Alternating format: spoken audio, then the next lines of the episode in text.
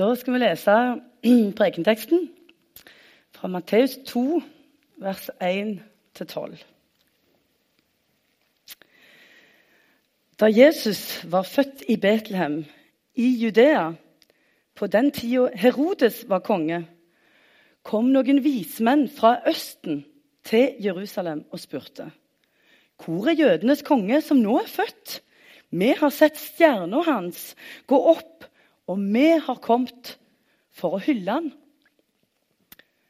Da kong Herodes hørte det, ble han svært urolig, og hele Jerusalem med han. Han kalte sammen alle overprestene og folkets skriftlærde og spurte de ut om hvor Messias skulle bli født. I Betlehem i Judea, svarte de, for sånn står det skrevet hos profeten. Du Betlehem i Judaland er slett ikke den ringeste av fyrstene i Juda. For fra deg skal det komme en fyrste som skal være hyrde for mitt folk Israel.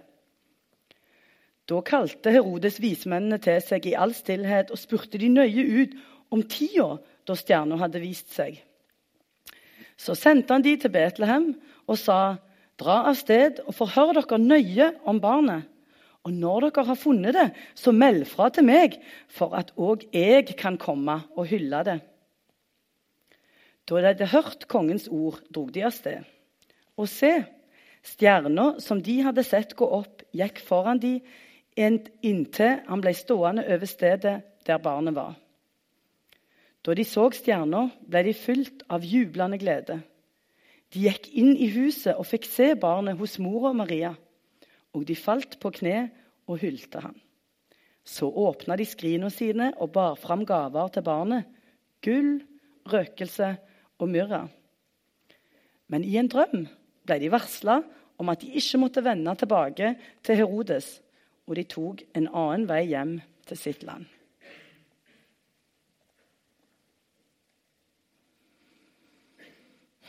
Og far, nå bare takker jeg deg for at, at, du er til stede her sammen med oss. Jeg takker deg for at vi får lov å dele denne teksten fra Bibelen sammen. Og Nå ber jeg om at du skal komme og vise oss. Uh, og at du skal gjøre oss vise, og at vi skal få lov å lære fra det som står her. I Jesu navn. Yes. Jeg sa det rett før her at uh, hvis jeg ikke sier noe bra om denne teksten, så er det i hvert fall ikke teksten sin feil. um, jeg har jo Det som er så gøy med å få en tekst eh, istedenfor bare å få en dato og så finne på hva du skal si, det er jo at må, en får en kjempefin mulighet til å oppdage noe nytt og til å sette seg inn i en tekst en gjerne ikke har lest så grundig før. Um, og det har vært uh, har egentlig vært litt kjekt. um, så jeg måtte jo finne ut litt om disse detaljene i denne teksten. Um, og Det har jeg fått litt hjelp til av noen gode venner i bibelkommentarene. Hans Kvalbein, bl.a. En sånn eh, god mann og spør til råds når en lurer på noe om Matteus. Um, uh, så jeg tenkte Det er noen sånne spørsmål jeg pleier å stille meg når jeg leser en tekst. liksom, Hvor er vi? Når skjer det? Uh, uh, hvem er vi? Og så videre. Og Her har vi altså Jesu eh, fødsel. Og Vi vet at eh, Herodes er konge. Og Han var konge fram til år fire før Kristus. Så altså vet vi at Jesus er født litt før Kristus, som ikke er fullt så ulogisk som det høres ut, siden de satte den tidsberegningen i middelalderen. og de, Da regnet de litt feil. Så han er jo født uh, når han er født. Men det var bare en liten regnefeil i middelalderen der, altså. Så sannsynligvis er han altså født litt før eh, Kristus, men altså samtidig med seg sjøl. um, og da er vi altså i år um, sånn sju til fem ish før Kristus. Um, uh, siden han må flykte til Egypt og ikke komme tilbake igjen før Herodes er død, altså i år fire. Så da, vi, da vet vi sånn cirka hvor vi er. Um, og så har vi jo disse visemennene, da. Hvem er de, og hvor kommer de fra? Jo, På gresk så er disse vismennene referert til som magoi. Altså det ordet på gresk som gir oss ordet for magi eller magiker. Um, og Magoiene er altså en prestekaste fra de persiske fjellområdene Sånn Iran-ish. Um, og på Jesu tid så brukte de òg det ordet i en litt videre betydning. Så det er ikke sikkert at de er fra Iran, men de kan være fra Iran. Uh, men det kan òg være at de refererer til at dette er noen vismenn eller rådgivere som enten var vismenn eller rådgivere ved et tempel eller ved et kongelig hoff. Så de var sannsynligvis ikke konger sjøl, men de kan ha vært rådgiverne til en konge. Um, så da eh, vet vi litt om hvem de er. Og når eh, vi kaller de vise, så henviser det nok til at dette er vitenskapsmenn som hadde innsikt i stjernene, eh, drømmetydning, eh, det var områder i øst som var opptatt av både astronomi og astrologi. Eh, uh, så ja, de er liksom vise ikke bare sånn åndelig sett, men òg på verdens måte. Det er smarte folk, dette her. Um, så de kan altså ha vært fra persiske fjellområdene. De kan ha vært fra Babylonia. Eh, og Det gir jo litt mening, for det er jo et område der jødene har vært i fangenskap. Og der det er flere som har kjennskap til profetiene om Messias. At det skal komme i jødefolket en frelser. En frelserkonge. Og kanskje det er Daniel sjøl som når han var i Babylonia, har vært med og fortalt om Messias som skal komme. Og den innsikten de har om kongen fra jødene, kommer kanskje derfra. I alle fall kommer de fra et område i øst. Og de bringer med seg gaver som røkelse og myrra, som er vanlige i de arabiske ørkenområdene. Så øst er òg et litt sånn ullent begrep. Eh, men vi vet i hvert fall sånn eh, noe om mulighetene. Og Teksten er kanskje mer opptatt av hva de gjør, disse vismennene, enn nøyaktig hvor de kommer fra. Eh, og det gir jo mening. For de er vise både på liksom vanlige måten, som vi pleier å si at folk er smarte siden de er vitenskapsmenn og sånn. Men de viser jo òg en annen type visdom. For når de finner Jesus, så bøyer de knær og tilber ham. Så har vi òg i teksten stjerner. Den er jo òg litt spennende. Hva var dette fenomenet på himmelen som gjorde at de skjønte at nå, nå er det Messias som har kommet? Nå har han kongen, jødekongen, kommet. Og Da er det noen kilder som forteller at det har vært en supernova. Altså ei stjerne som har eksplodert og gitt et kjempeintenst lys. Sånn i rundt år 5-4 før Kristus. Det er òg kilder på at det har vært en komet rundt år 5 før Kristus. Og rundt år 7 før Kristus så var planeten Saturn og planeten Jupiter sin bane nærmet seg hverandre, sånn at de ble veldig sterke. Og Den er jo kanskje ekstra spennende, akkurat den der planetkonstellasjonen. Fordi planeten Jupiter knyttes til kongefødsel eh, og til verdenshersker. Mens Saturn var regna som å være stjerna til det syrisk-palestinske området. Altså til det området vi er i nå.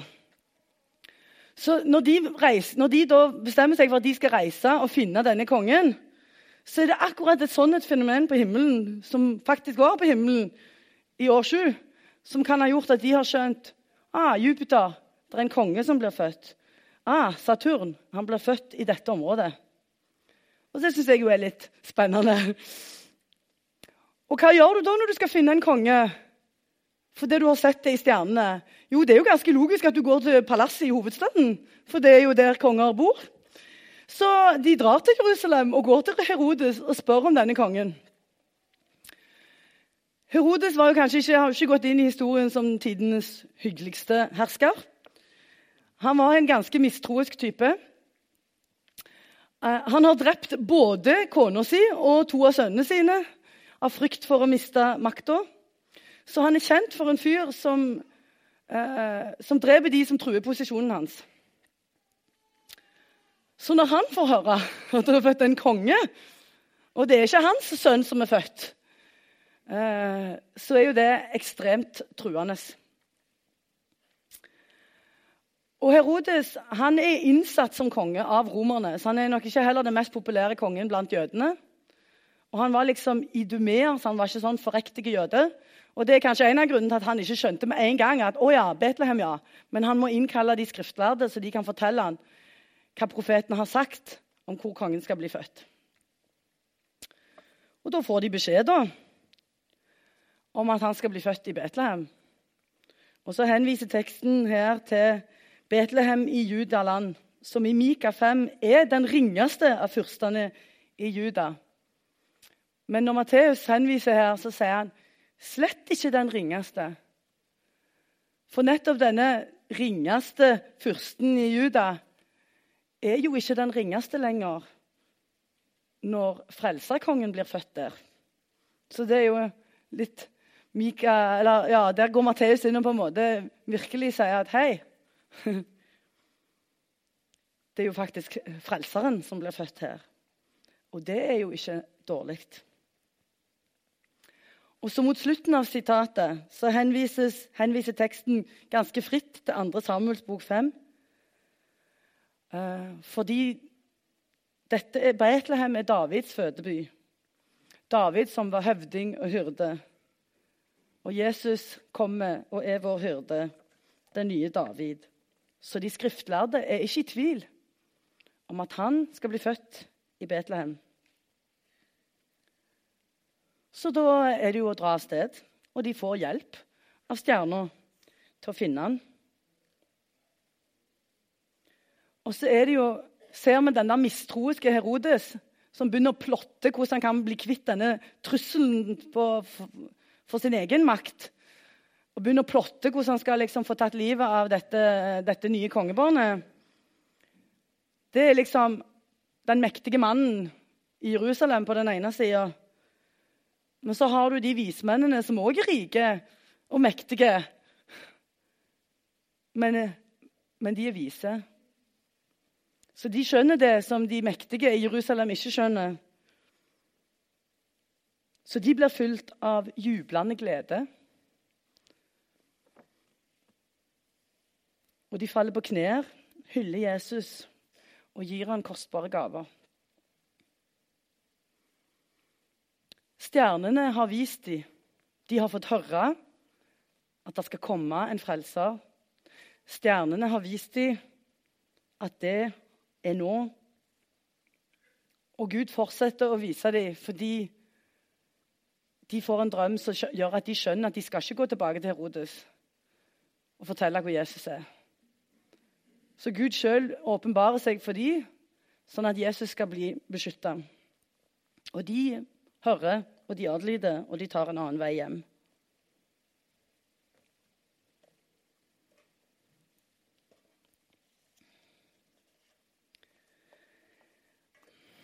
Når jeg har lest om alle disse tingene, om teksten, um, så jeg, tenker jeg det er jo ikke bare Herodes og de skriftlærde her som begynner Her blir plotter det, og så får vi se at det er en motstand mot Jesus helt, helt fra starten av. Men vi ser det jo òg når Jesus begynner å virke at det er ofte de syke, de fattige, de prostituerte, tollere som har svindla folk. De skjønner hvem Jesus er. De skjønner at de trenger tilgivelse. De skjønner at de trenger Jesus. Så har vi den rike mannen som går vekk, for han er rik. Og det er vanskeligere for han å skjønne hva han trenger. Så har vi de skriftlærde, som òg har posisjon og er på høyden, liksom. Og de kaller vi ikke vise. For det de ofte ikke skjønner. Det er noen som skjønner, men mange av de, de gjør som Herodes. De begynner å plotte hvordan de kan bli kvitt denne trusselen Jesus. Så ser vi i juleevangeliet gjeterne, som òg blir glade og får lov å se Jesus. Og så blir jeg imponert av disse mennene. For de bøyer knær for et barn. På tross av at de er rike. Og smarte vitenskapsmenn og har posisjon, så skjønner de det likevel. Opp igjennom hele israelsfolkets historie så kan vi se at når det går godt, så, de liksom, så glemmer de vekk Gud, og så må de minne seg på hva Gud har gjort hele veien. Og så går det gale, og så kommer de tilbake igjen, og så er det litt sånn fram og tilbake. Og kanskje krever det litt ekstra visdom å skjønne det når en ikke på en måte får hjelp av omstendighetene våre til å forstå at vi er svake. Og Jesus han løfter fram barnet mange ganger. La de små barna komme til meg. Han sier til og med til Nikodemus at uten at du blir som et barn, kan du ikke komme inn i Guds rike. En eh, lærd mann i posisjon som skjønner noe, som kommer til Jesus for å forstå. Um. Så tenk Gud gir oss Jesus. Paulus kaller han for um, usynlige bilde. Det er han som viser oss hvem Gud er. Ja, han er Gud, og han tilbes. Og han skal tilbes. Han fortjener det. Men samtidig så er han menneske, så han lærer oss noe om å være menneske. For hvis Gud kan være svak og hjelpeløs, så betyr det at jeg skal ikke forakte når jeg trenger hjelp. Eller når jeg er hjelpeløs. Eller jeg trenger heller ikke forakte andre som er hjelpeløse. For Gud sjøl syns det var OK å være hjelpeløse. Og her tenker jeg det er noe av den jeg har satt opp her, visdommens mysterium. Jeg blir så imponert av disse mennene. Som ikke er svake, men som skjønner det. For som regel så er jeg såpass treig sjøl at uh, jeg har litt lettere for å skjønne at jeg trenger Gud når jeg er i trøbbel.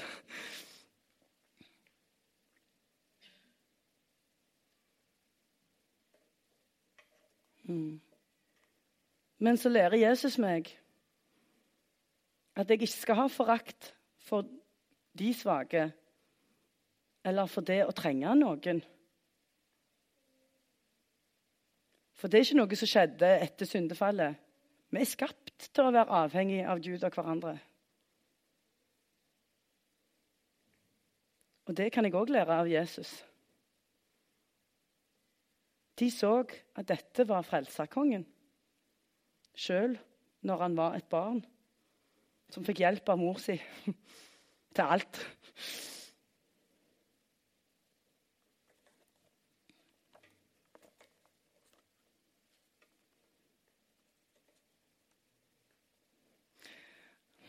Denne jula har bestemor på 93 vært og feiret jul med oss. Og jeg har tenkt at det er nok mye visdom i det at vi kommer hjelpeløse inn i verden. Og så blir vi liksom voksne og klare oss sjøl, og så glemmer vi kanskje at vi egentlig trenger hjelp. Det der med at vi tror at vi klarer oss sjøl og ikke trenger noen eller noe, det er jo bare tull. Og så krever det litt visdom å skjønne når vi føler oss sterke, at vi trenger hjelp allikevel. Men så er det jo så smart lagt til, da. At hvis vi lever lenge nok, så får vi oppleve å bli svake igjen. Og da skjønner vi det kanskje igjen. Kanskje får vi da en mulighet til å være vise, eller bli vise. Å være svak er en mulighet til å bli vis. For vi skjønner det som disse skjønte. At Jesus er kongen, og jeg trenger han.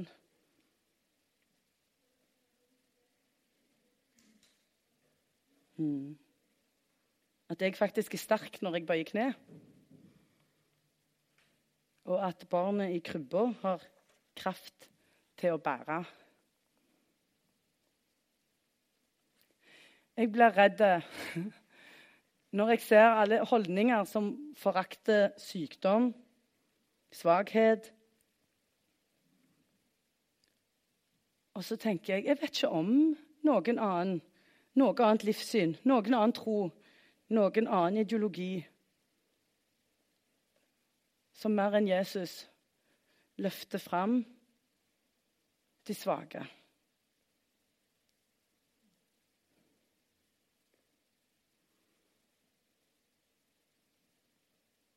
Fattig eller rik, sterk eller svak, hjelpeløs eller mektig. Det fins én konge for alle. Og Disse vise mennene de kom, de var ikke jøder sjøl. Men de kom for å tilbe Jesus, for han er alle folkeslag sin konge. Og I denne søndagen så er det en annen tekst fra Nytestamentet, også fra Paulus, Efeserne 3, der det står at han har blitt gitt eh, å forvalte Kristi mysterium, nemlig at hedningene har del i løftet. Og jeg skjønner jo litt hva som gjør at Kirka har satt opp de to på samme søndag. For nettopp han er ikke bare jødene sin konge, han er min konge òg. Han var deres konge. Han er alle folkeslag sin konge. Så er dette en tekst som på en måte bare viser oss hvor stor konge Jesus er, og at han kom for alle. Så får vi lov å være med akkurat som Paulus, og forvalte det mysteriet. At det er en frelserkonge for alle.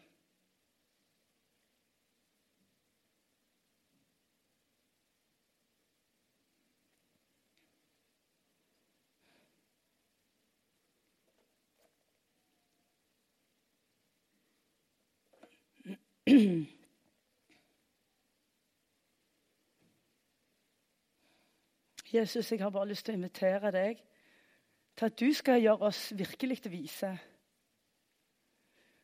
At vi skal få lov å vite at vi trenger deg, og være glad for det. Så ber jeg om at du skal gjøre oss vise, som ikke forakter oss sjøl når vi er svake, og som ikke forakter andre som er svake. Så takker jeg deg for at du har vist oss at òg du var sterk nok til å komme til denne verden svak. Og så ber jeg om at vi skal virkelig få se at vi har en helt fantastisk annerledes konge. En konge som kommer med legedom til de syke. Tilgivelse for oss som gjør noe galt. Som kommer med nåde som løfter oss opp. Så ber jeg om at du skal hjelpe oss å gi det videre, sånn at vi virkelig får se deg som konge over hele verden og over alle folkeslag.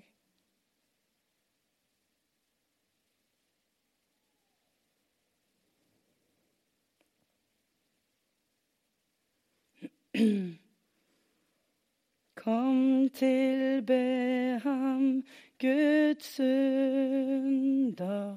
Kom, til be ham, Guds synder. Kom, til be ham, Guds synder. Vår Herre Krist.